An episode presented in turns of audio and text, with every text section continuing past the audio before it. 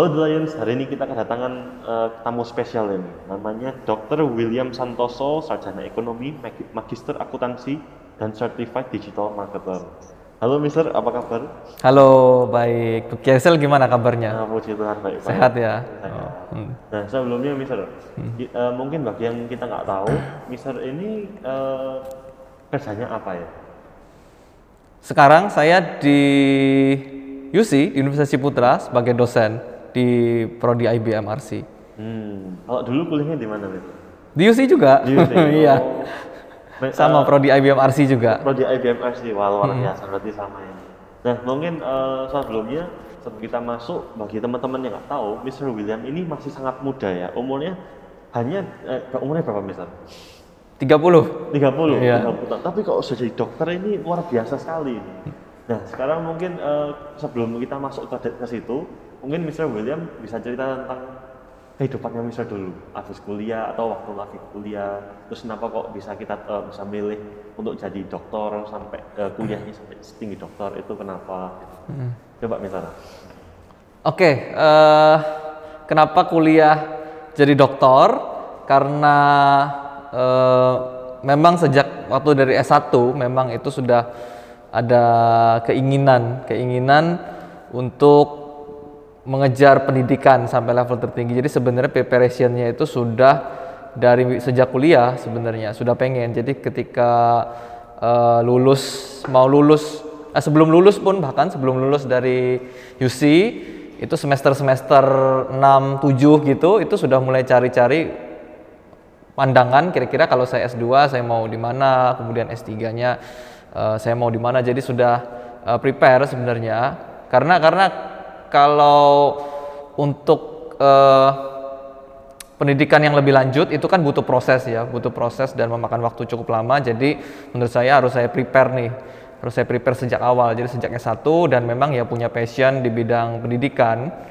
Uh, dulu juga jadi asdos, bantu-bantu dosen yang yang mungkin dosennya teman-teman juga saat ini di sini ya salah satu dosen yang teman-teman juga masih ngajar di sini sebagai asdos uh, dan di situ awal ketertarikan untuk mengajar dan memang uh, salah satu passion saya adalah mengajar. Hmm, oh, luar biasa. Nah, kalau tadi sedikit menggali lagi ya, waktu kuliah tuh saya pernah dengar misalnya William itu suka investasi. Hmm. Nah, tapi kalau dari pengalaman saya melihat teman-teman saya itu biasanya berkebalikan sama yang namanya pendidikan. Hmm. Soalnya biasanya teman-teman saya ada yang fokusnya investasi, misalnya main trading atau apa gitu ya mereka tuh merasakan betapa enaknya untuk mencari uang sebagai investor atau hmm. trader gitu ya. hmm. ya. Nah akhirnya mereka nggak terlalu peduli kan dengan yang namanya kuliah, soalnya mereka berpikir kalau oh kalau aku bisa cari uang dengan cara investasi dengan semudah itu meskipun hmm. ya kita tahu nggak mudah tapi butuh banyak ilmu. Akhirnya hmm. mereka bukan menjunjung tinggi pendidikan, tetapi lebih hmm. ke arah mereka fokus untuk mencari ilmu sebagai untuk menjadi trader sejati. Hmm. Nah kalau misal gimana kok bisa punya mindset untuk tetap melakukan investasi tapi juga meneruskan pendidikan sampai apa sampai sangat tinggi begitu. Oke, jadi sebenarnya gini, ada paradigma yang salah sebenarnya ya tentang konsep pendidikan. Jadi uh, banyak orang ber, ber, berpikir bahwa kenapa kok S2, kenapa kok S3 lanjut studi lanjut karena pengen supaya dapat pekerjaan lebih mudah ya supaya uh, ya intinya adalah pengen mendapatkan kesejahteraan. Dengan pendidikan yang semakin meningkat diharapkan uh, kesejahteraan juga semakin meningkat. Tapi uh, sebenarnya kalau kita mau mengejar pendidikan itu sebenarnya uh, tidak hanya sekedar untuk mengejar kesejahteraan lebih. Tidak lebih dari itu. Karena pendidikan yang dengan adanya pendidikan yang lebih lanjut yang lebih tinggi baik itu S2 maupun S3 satu kita memiliki pola berpikir. Jadi sebenarnya yang lebih biasa adalah pola berpikir kita. Tentu pola berpikir uh, mahasiswa S1 dengan mahasiswa S2 dan bahkan dengan mahasiswa S3 pasti berbeda cara alur berpikir. Kedua adalah networking. Ya, networking hmm. yang kita dapatkan ketika kita di S1, S2, S3 tentu berbeda.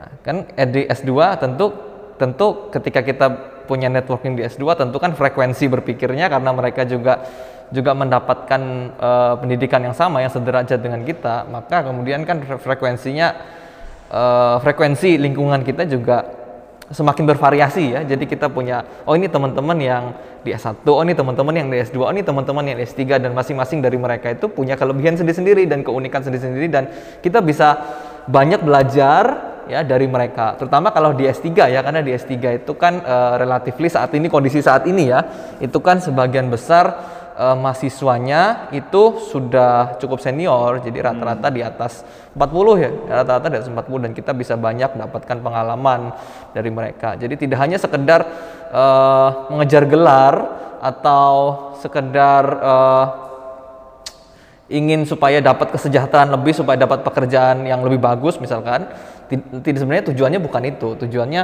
bagaimana satu kita menjadi pribadi yang lebih baik lagi ya dengan meningkatkan uh, pengetahuan yang kita miliki sehingga kita bisa berkontribusi lebih akhirnya dan itu itu juga menjadi alasan kenapa kok akhirnya saya memilih berkarir di dunia pendidikan meskipun pada awalnya saya uh, pada awalnya setelah selesai kuliah itu karir saya dimulai dari uh, pasar keuangan. Sebenarnya saya kerja di salah satu sekuritas di Jakarta ya, karena uh, ya merasa agak bosan ya dengan kerjaan yang yang yang dulu jadi broker lah istilahnya jadi broker. Kemudian uh, merasa bosan dengan rutinitas itu. Lalu kemudian uh, sempat juga jadi apa full time trader atau full time investor. Cuma kan full time trader dan full time investor itu kan kalau teman-teman lihat kayak Lokeng Hong itu kan itu kan waktunya sangat banyak sekali ya ya ketika di interview Hong apa pekerjaan sehari-harinya? Ya saya bangun pagi olahraga terus cari berita hanya membaca. Jadi pekerjaannya hanya membaca sedikit-sedikit melihat market ya. Jadi lebih banyak waktu kosong.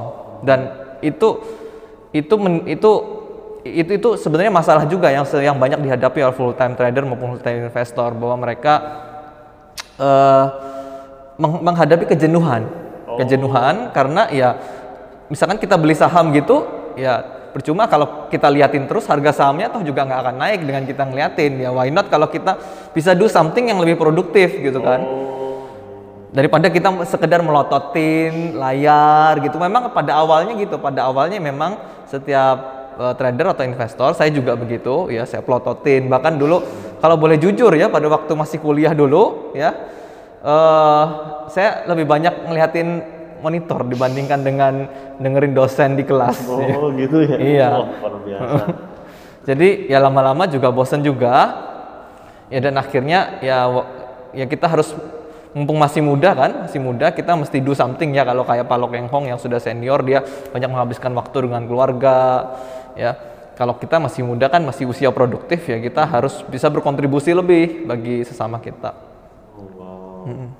Itu betul itu wih keren sekali. Saya nggak pernah tahu tentang pemikiran kalau S2 S3 itu buat bukan cuman gelar tapi hmm. mindset sama networking gitu ya. networking ya. betul iya saya betul ya kalau misalnya kayak di S2 S3 itu biasanya orang-orang kayak dari pemerintahan atau orang yang sudah dewasa kayak pebisnis-pebisnis yang sudah punya bisnis semua berarti ya kalau di S2 S3 gitu ya ya sebagian besar profilnya uh, pebisnis yang sudah mapan biasanya yang mereka juga mencari sambil mencari kesibukan lain juga mencari kesibukan yang positif ya kesibukan yang positif ya mereka meningkatkan skill pengetahuan mereka dengan S2 dan S3 di samping juga uh, dari pendidik ya dari dosen maupun dari guru itu kan sekarang uh, peraturan dari pemerintah bahwa guru dan dosen itu jenjang karirnya akan semakin bagus apabila S3. Hmm. Nah, jadi profilnya dua itu, bagian besar ya yang yang ambil S2 S3 berarti hmm. untuk kalian the Lions ya yang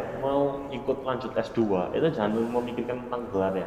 Tapi kita juga harus memikirkan masa depan mengenai pola pikir sama cara kita networking itu akan sangat membantu ya misalnya betul betul. Kalau boleh tahu tadi uh, misalnya S2 nya apa ya? S2 nya saya accounting. Dulu S1 nya IBM konsentrasi finance ya.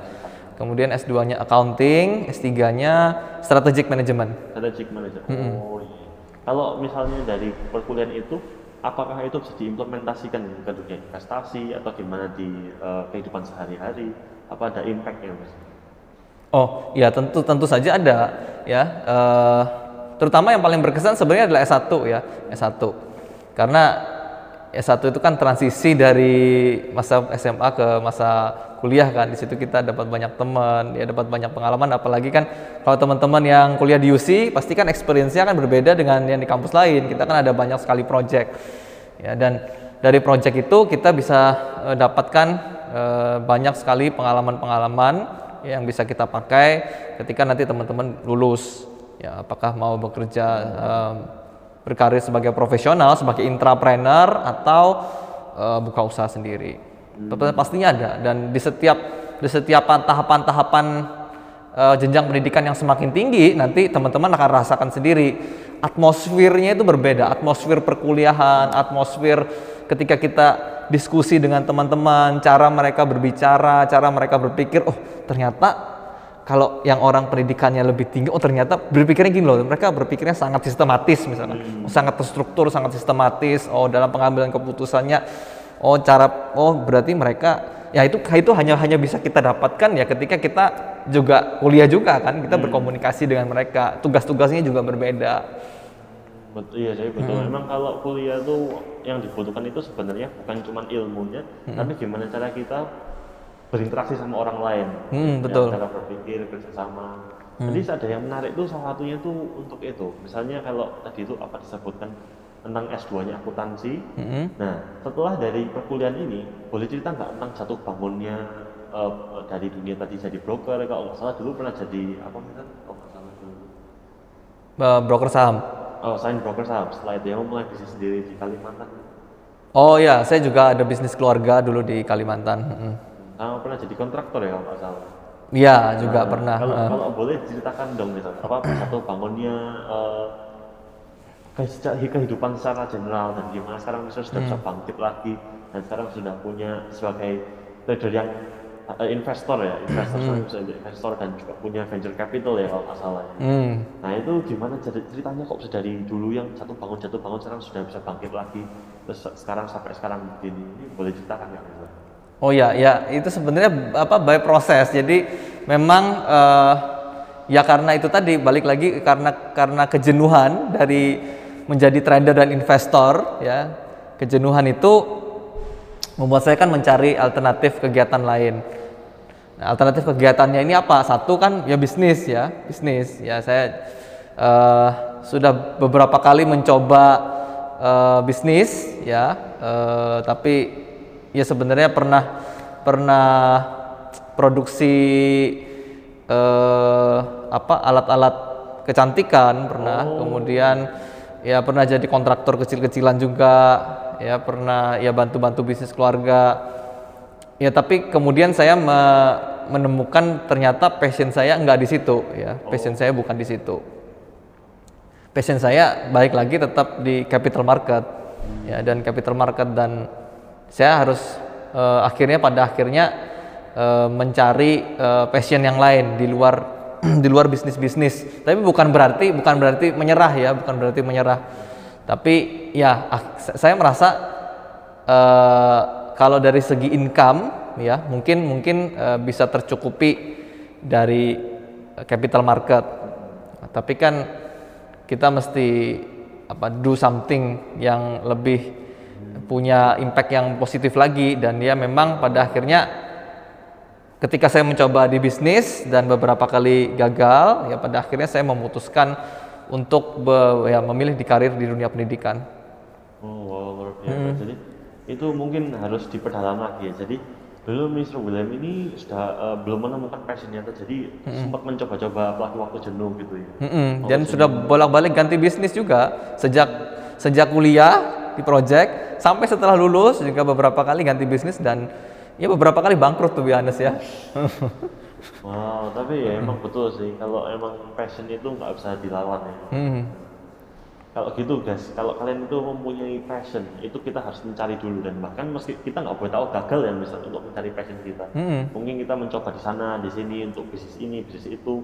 Tapi uh, itu harus dilakukan demi mencari passion kita yang sebenarnya. Betul. Ya. nah tapi uh, kembali lagi kalau tadi itu sebelumnya uh, misal sampai menjunjung pendidikan sampai dokter begitu jadi semua ini sebenarnya dari S1 ya? Dari S1 sudah punya rencana. Karena kalau kita nggak punya rencana sering kali gini kendala kita kalau kita mau studi lanjut itu kalau kita tidak planningkan sejak awal itu ketika kita seperti yang dikatakan cari sel tadi ketika kita sudah masuk ke dalam dunia pekerjaan kita akan terjebak pada uh, zona nyaman hmm. ya zona nyaman. Saya sudah misalkan saya kita sudah punya bisnis saya sudah punya bisnis ya sudah hidup sudah sejahtera ya ngapain sih harus capek-capek kuliah lagi gitu kan. Akhirnya ya itu kan kayak nyari masalah baru gitu kan.